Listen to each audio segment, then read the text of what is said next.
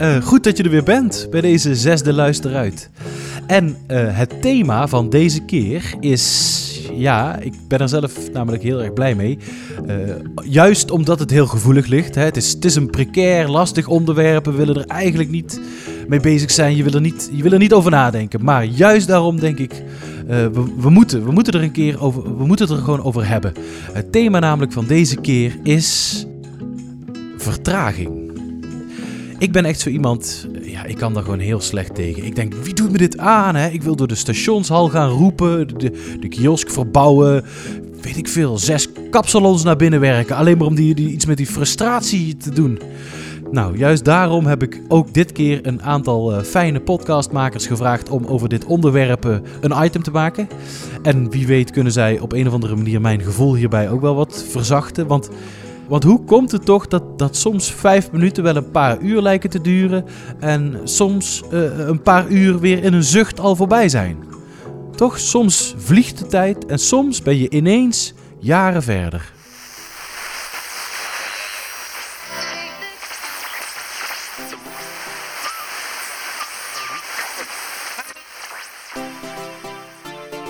Dames en heren, welkom bij Radio Toekomstmuziek. Met jullie gastheer Johnny Delay. Wij draaien alleen de nieuwste Golden Oldies en hebben de meest verse oude nieuwtjes. Het is vandaag 2 februari 2018. Maar u, lieve luisteraar, luistert op de podcast. En dat kan zomaar betekenen dat je dit dagen weken of misschien wel jaren later hoort. Dan gaan we nu door naar ons eerste item. De beller is sneller. En jawel, er kan weer gebeld worden naar de studio. En onze eerste beller is uh, Jolanda. Jolanda, waar bel jij vandaan? Ja, ben ik nu al live? Ik bel vanuit juli 2018. En ik zit lekker in de tuin met Jan terwijl de kinderen met de tuinstang aan het spelen zijn. Oh ja, is het een uh, hete zomer? Heet, heet. We zitten zelfs midden in een hittegolf. Abel, pa, niet in je mond. Nee, terugleggen. Um, sorry Johnny, ik moet nu weer gaan, want de kinderen zijn een beetje vervelend aan het doen. Dankjewel Jolanda en succes met de kinderen. Het wordt dus weer een heerlijk hete zomer. Maar misschien uh, wisten jullie dat al lang, want uh, je kan dit natuurlijk ook gewoon luisteren in oktober, november, december, misschien zelfs. Soms lijkt de tijd echt voorbij te kruipen. Vertraging. Ja, wat moeten we ermee? Tjitske sprak hierover met Wil. Nou, ik ging naar mijn werk en uh, ik was gelukkig een beetje aan de vroege kant. En ineens lag ik. En ik weet er verder niks van uh, dat ik ben uitgegleden of zo. Ik weet alleen dat ik ineens op de grond lag en dat ik een onvoorstelbare krak in mijn arm voelde. En dat de pijn door me heen vlamde en dat ik dacht, dit is iets breken toen in het ziekenhuis, uh, toen werd me meteen uh, verteld van um, ja, als een kind iets breekt, is het een twijgje wat knakt. En dat veert alweer vanzelf bijna terug. En dat is eigenlijk zo geheeld. Maar jij hebt een, uh, een oude tak in je pols. en die zei krak en die is echt helemaal, helemaal gebroken. Dus dat is gewoon een wond en die moet met ontzettend veel rust genezen en dat doet pijn. En dat, daar moet je heel veel tijd voor nemen. En je bent gewoon voorlopig even ziek. Normaal gesproken ben ik ongeduldig en ik vind het ook heel fijn om vier dingen tegelijk te doen. Je kijkt naar de televisie, je leest mail op de iPad, tussen beantwoord je een appje en zit ik ook nog te eten. Die eerste ochtend, toen ik koffie wilde gaan zetten, dacht ik: oké, dat, gaat, dat gaat natuurlijk wel met een uh, handig apparaatje. Maar dan zet je dat kopje koffie neer op een tafeltje. En dan moest ik weer helemaal gaan zitten. En helemaal eh, zuchten tegen de pijn. En mijn arm op een kussen. En nou, dan kon ik heel langzaam dat kopje koffie opdrinken. En dan dacht ik daarna, ja, nu zou ik wel een boterham willen. Oké, ik wil een boterham met appelstroop. Die pot krijg ik niet open. Hoe gaan we dit doen? Naar bed gaan, je uitkleden. Oh ja, ik heb een BH aan. Hoe krijg ik hem uit? En hoe krijg ik hem ooit weer aan? Je bent eigenlijk alleen maar bezig met de gewone dingen des levens. Dus uh, zorgen dat je een beetje fris en schoon bent, dat je in de kleren bent, dat je wat eten en drinken binnenkrijgt. Daar was ik eigenlijk de hele dag mee bezig. Alles één voor één. En toen, ja, toen werd ik dus eigenlijk heel rustig. Ik kon me helemaal overgeven van oké, dit moet ik gewoon nu maar anders doen. Want anders word ik gek als ik me in mijn oude tempo wil blijven doordenderen. Dat verraste me heel erg. Ik had echt uh, nou, bij het eerste flesje water, wat niet open ging, gedacht... Oeh, nou uh, gaan de stoppen zo meteen doorslaan. en toen dacht ik, nou ja, uit de kraan komt ook water. Ja, en zo bleek er voor alles een oplossing te zijn. Als hier dan bezoek was, dan dacht ik, oh, wat, wat, wat lopen die mensen snel heen en weer. En wat, doen ze alles vlug. Dat het me ook een beetje duizelde bijna. Heel grappig, ik, ik woon hier 25 jaar. Maar voor het eerst dacht ik, wat voor boom is het eigenlijk die achter mijn huis staat? Het is een hazelaar, weet ik nu. Heb ik opgezocht. Ik heb mezelf wel eh, als heel anders ervaren. Of in ieder geval dat er een andere kant aangeboord werd ineens. Die ik niet onplezierig vond. Ik bedoel, de arm deed dan wel pijn, maar ik vond het een uitdaging. En ik vond het geweldig om te ondervinden van... oh, ik kan die rust gewoon zoeken in mezelf. Die is er wel. Ik heb misschien ook gewoon wel de leeftijd om iets minder haastig door het leven te gaan. Dus misschien heb ik nu een soort zetje gekregen van zo kan het ook.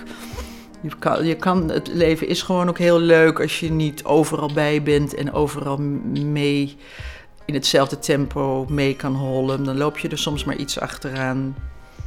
Ik heb niks gemist. Nou, en als je het zo bekijkt, dan zou het misschien voor ons ook helemaal niet zo slecht zijn om het af en toe wat rustiger aan te doen. Joke Hermsen is uh, schrijfster en filosofe en zij heeft veel geschreven over onze beleving van tijd. De kloktijd speelt een belangrijke rol in ons leven. Er zou geen trein kunnen rijden als we geen kloktijd hadden. En die klok die is ook belangrijk geworden sinds het moment dat er stoomtreinen gingen rijden. Want daarvoor was de kloktijd eigenlijk iets wat elke stad afzonderlijk zo'n beetje bepaalde. Het kon een uur of soms wel twee uur tijd verschillen van Noord-Nederland naar Zuid-Nederland. Maar met de treinen gingen rijden moest die klok heel precies worden afgesteld. En dat is eind 19e eeuw gebeurd met de vaststelling van de Greenwich-tijd. En toen is er nog iets gebeurd met die kloktijd. Het is niet alleen maar een instrument om het treinverkeer goed te regelen. Het werd ook een meetinstrument voor ons salaris, voor ons loon, voor de betaling van onze arbeid. Dus de arbeid werd in kloktijduren uitbetaald. En vanaf dat moment, zo begin 20e eeuw, zie je dat die kloktijd dus echt een economisch principe begint te worden. Maar ook iets wat als het ware tegen ons gebruikt gaat worden. In die zin van dat men het prettig vindt als we hetzelfde arbeid in steeds minder uren gaan doen. Want als het er niet meer om gaat dat de klus geklaard wordt, maar het in uren wordt uitbetaald, dan gaat men natuurlijk vanaf dat moment proberen om steeds meer op die uren te beknibbelen. We zijn in het loop van de 20e eeuw op steeds gespannenere voet met die tijd komen te staan. We denken dat we steeds minder tijd hebben, dat we te weinig tijd hebben. En dus tijd lijkt zelf een soort schaarse product te zijn geworden. Wat ik probeer te doen in mijn werk is om die tijd weer een beetje weg te krijgen van die economie, omdat tijd nu eenmaal het fundament onder ons bestaan is. Zonder tijd kunnen we nog geen zin uitspreken en voor een zin of zelfs maar een knipoog hè, aan de buurman aan de overkant te willen geven, heb je tijd nodig. Je bent zelf ook tijd. En een van de mooie manieren om, om, om dat zelf tijd zijn te ervaren, is als je in de trein zit. Dat is althans mijn ervaring. Als je in de trein zit en even die schermen uitlaat, en niet weer je mails gaat doen, niet weer allerlei berichten gaat versturen, maar probeert gewoon dat je naar buiten te kijken of naar muziek te luisteren of naar deze mooie podcast, luisterruit te luisteren. En je blik zo over de weilanden te laten dwalen, zo wat te dagdromen, zo wat te mijmeren. En op dat moment voel je eigenlijk dat die tijd ja, weer verinnerlijkt wordt. En in die vertraging komen vaak de mooiste ideeën of inzichten naar je toe gevlogen. Ik kan hier wel een pleidooi voor vertragen en verstillen en verlangzamen houden, maar menig treinreiziger krijgt met een ongewenste vertraging te maken. Ik denk dat je zou kunnen proberen eh, te denken van om die vertraging in positieve termen. Uh, van oké, dit is gewoon extra tijd. Laat ik die extra tijd nu eens benutten om in ieder geval geen zorgen te maken over mijn volle agenda. Maar deze extra tijd nu echt helemaal als een soort ja, cadeautje zien. En proberen om, ja, als het ware, daarin bijna kopje onder te gaan. Dat je echt een duik neemt in die, in die andere tijd. En dat is natuurlijk wat je de treinreiziger toe zou willen wensen. Oké, een cadeautje dus. Ja, maar dan misschien wel een cadeautje waarvan je hoopt dat ze het bonnetje nog hebben. Ah, het is flauw, ik begrijp het wel hoor. Er is trouwens net een nieuwe roman uit van Joke Hermsen. Rivieren keren nooit terug. Ja, vertraging. Vertraging is eigenlijk iets dat ten opzichte van iets anders een lagere snelheid aanneemt. Toch? Pascal moest hierbij denken aan het Doppler-effect en dat gaat over het horen van tijd.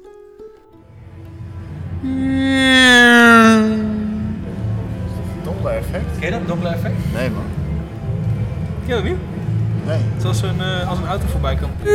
Oh, dat het geluid vervormt als het voorbij komt. Ja, ja hoe gaat dat?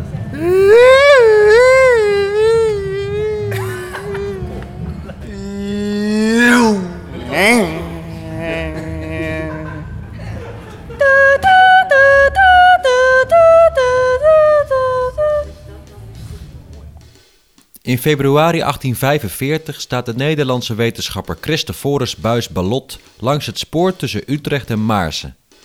Naast hem staan vijf muzici aandachtig te luisteren. Een open goederentrein met aan boord vijf toeterende hornisten rijdt verschillende malen heen en weer met wisselende snelheden. Aan de muzici de taak om toonverschillen waar te nemen en daarmee het Doppler-effect te bewijzen. Dit werd een jaar eerder beschreven door de Oostenrijkse wetenschapper Christian Doppler. Aan de Radboud Universiteit in Nijmegen werkt geluidswetenschapper Helmer Strik. Naast het geluid nadoen van een brandweerauto kan hij ons ook dingen vertellen die we nog niet weten over dit Doppler-effect. Want hoe werkt het? Nou, ik denk dat je het makkelijkste uit kunt leggen als... Uh, je ziet wel eens van die uh, uh, stralingsbronnen of vuurtorens getekend met van die cirkeltjes eromheen. Hè? En dan zie je die cirkeltjes, dat de straling breidt zich uit, het geluid aan alle kanten even snel. Dus die cirkeltjes staan even ver van elkaar. Dat is als die geluidsbron stil is. Maar stel die geluidsbron, uh, dan zijn dus die geluidsfronten, heet dat, van die cirkeltjes, die afstand, die zijn allemaal even ver van elkaar. Maar stel een geluidsbron komt naar je toe, dan worden die geluidsbronnen komen relatief, die geluidsfrontjes komen steeds sneller bij je. Dus als die naar je toe komt, wordt die afstand tussen die geluidsfrontjes wordt kleiner. Dus de golflengte wordt kleiner en dan wordt de frequentie hoger. Omgekeerd, als die van je af beweegt, wordt de afstand tussen die golffronten die je oor bereiken, wordt groter. Dus de golflengte wordt groter en dan wordt de frequentie kleiner. Dus als hij naar je toe komt, neem je een hogere frequentie waar. Als die vlak bij je is, even de juiste frequentie. En als die dan weer van je afgaat, een lagere frequentie.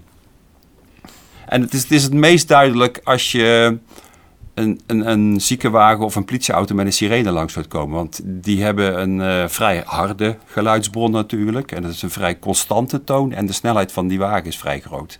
Kijk, met een gewone auto hoor je het ook. En met een gewone trein zou je het ook horen. Maar die, die geluidsbron is niet zo geschikt om het Doppler-effect waar te nemen. Een auto maakt een beetje rommelig uh, geluid. Daar hoor je het niet goed in.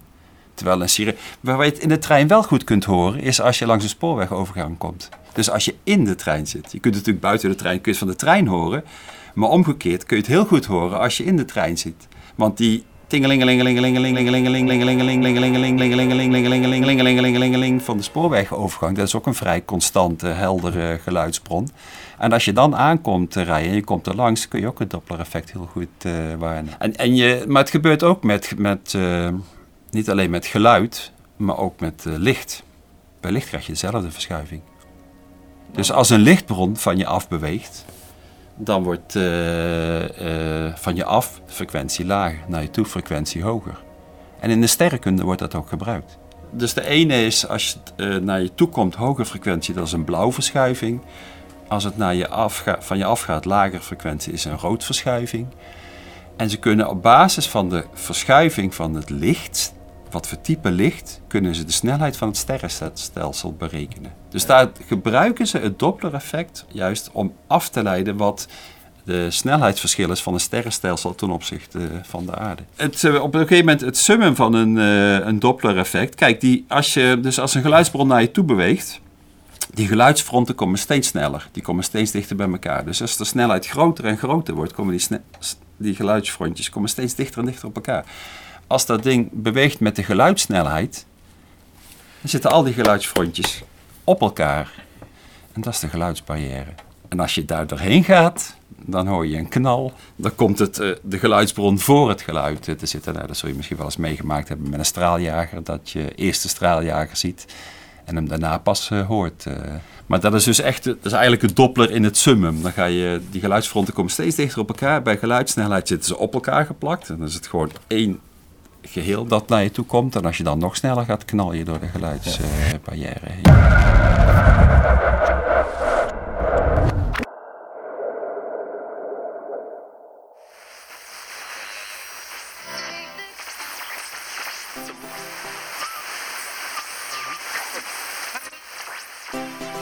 Ja, dames en heren, je luistert nog steeds naar Radio Toekomstmuziek. En we hebben uiteraard belangrijk file nieuws, want uh, het staat weer helemaal vol. 350 kilometer file. En, uh, oh, oh, hey, de telefoon gaat over. Um, ja, eigenlijk zouden we files doen. Ik kijk even naar de redactie, zal ik dit opnemen? Oké, ja, nee, dan neem ik hem op. Uh, hallo, wie heb ik aan de lijn? Hoi, met Janine van Biesdorp. Wat leuk zeg, 2018.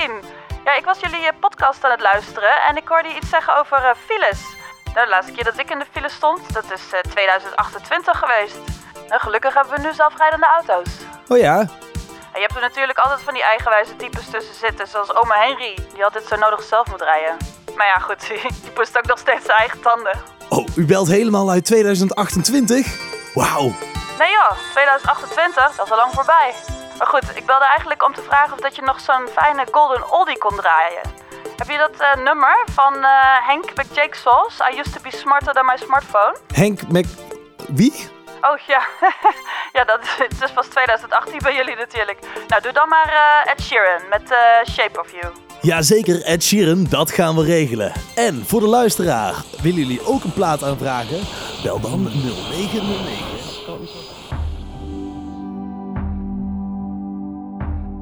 Ja, ik zit er nu zo over na te denken en volgens mij is het grootste probleem uh, dat je je zo machteloos voelt, toch? Tijdens een vertraging. Dat vind ik er zo lastig aan.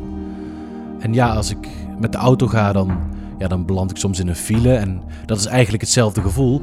Maar ja, dan heb ik niemand om, om lekker kwaad op te worden. Ja, als ik zelf in de trein zou zitten en er zou vertraging zijn, dan zou ik er nu, nu ik weet wat erachter zit, hè, wat, de, wat de oorzaak zou kunnen zijn, uh, ja, kan ik me er wel bij neerleggen. Ga ik als eerste een kopje koffie halen. en uh, dan wacht ik gewoon tot die komt. Omdat ik weet dat er zoveel mensen um, hun best doen om alles op, op rails te laten rijden op tijd en volgens dienstregeling. Dat, dat als het echt niet gaat, dat, het, dat er ook wel echt een goede reden voor is. Nou, ik uh, ben Aziza Alhabase. Ik doe samen met mijn andere collega's uh, uh, social media beheren van de NS. Dus wij beantwoorden berichtjes die binnenkomen. Aan het eind van ieder bericht sluiten we af met een dakje en dan onze initialen. En die van mij is dakje AH. Als ik s ochtends begin, dat is meestal dan 7 uur, dan weet ik dat de spits eraan komt. en dan, ja, dan is het meestal heel druk. Dus dan ga je heel hard werken om om alle, alle mensen te voorzien, alle reizigers te voorzien van een antwoord. En eh, ja, de middag, eh, dan eh, na de lunch, dan eh, ja, wordt het al wat rustiger. Komen regelmatig eh, berichten binnen die over vertraging gaan. Eh, het is natuurlijk ook afhankelijk van de situatie op het spoor. Als het eh, wat rumoerig geweest is op het spoor, dan, ja, dan krijgen we daar regelmatig berichten over.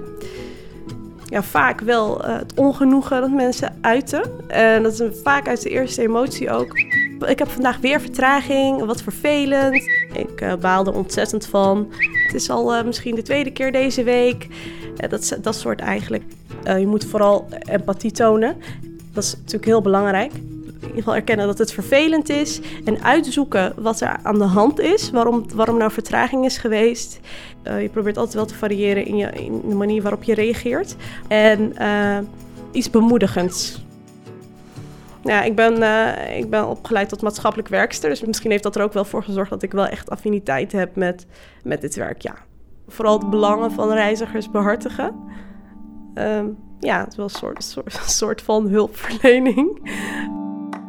Soms zitten er ook wel echt vervelende berichten tussen.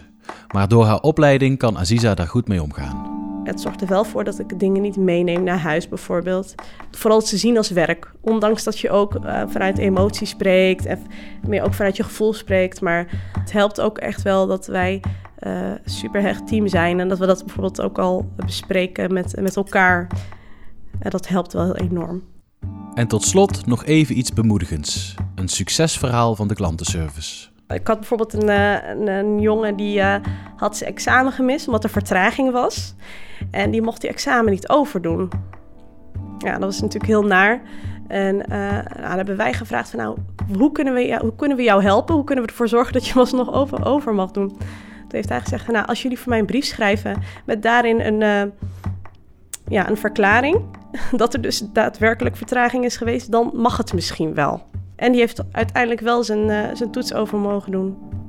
Dus dat, dat werd ook heel erg gewaardeerd. En ja, daar doe je het wel echt voor. Ja, zo is het natuurlijk ook. Uiteindelijk wil niemand dat er vertraging is. Het is eh, overmacht. Of ja, daar gaan we dan maar even van uit. Ja, vertraging. Ik moet weer even aan Joke denken.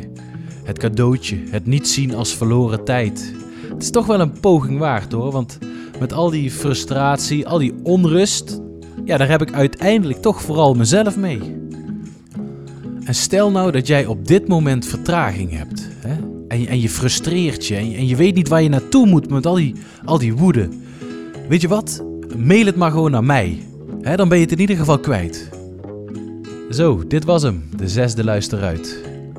De volgende keer gaan we het hebben over bagage. En daarvoor zijn we nog op zoek naar leuke verhalen. Dus als jij nou tegenover iemand zit met een roeiboot of eh, een droogmolen of een roedel honden, laat het me dan even weten.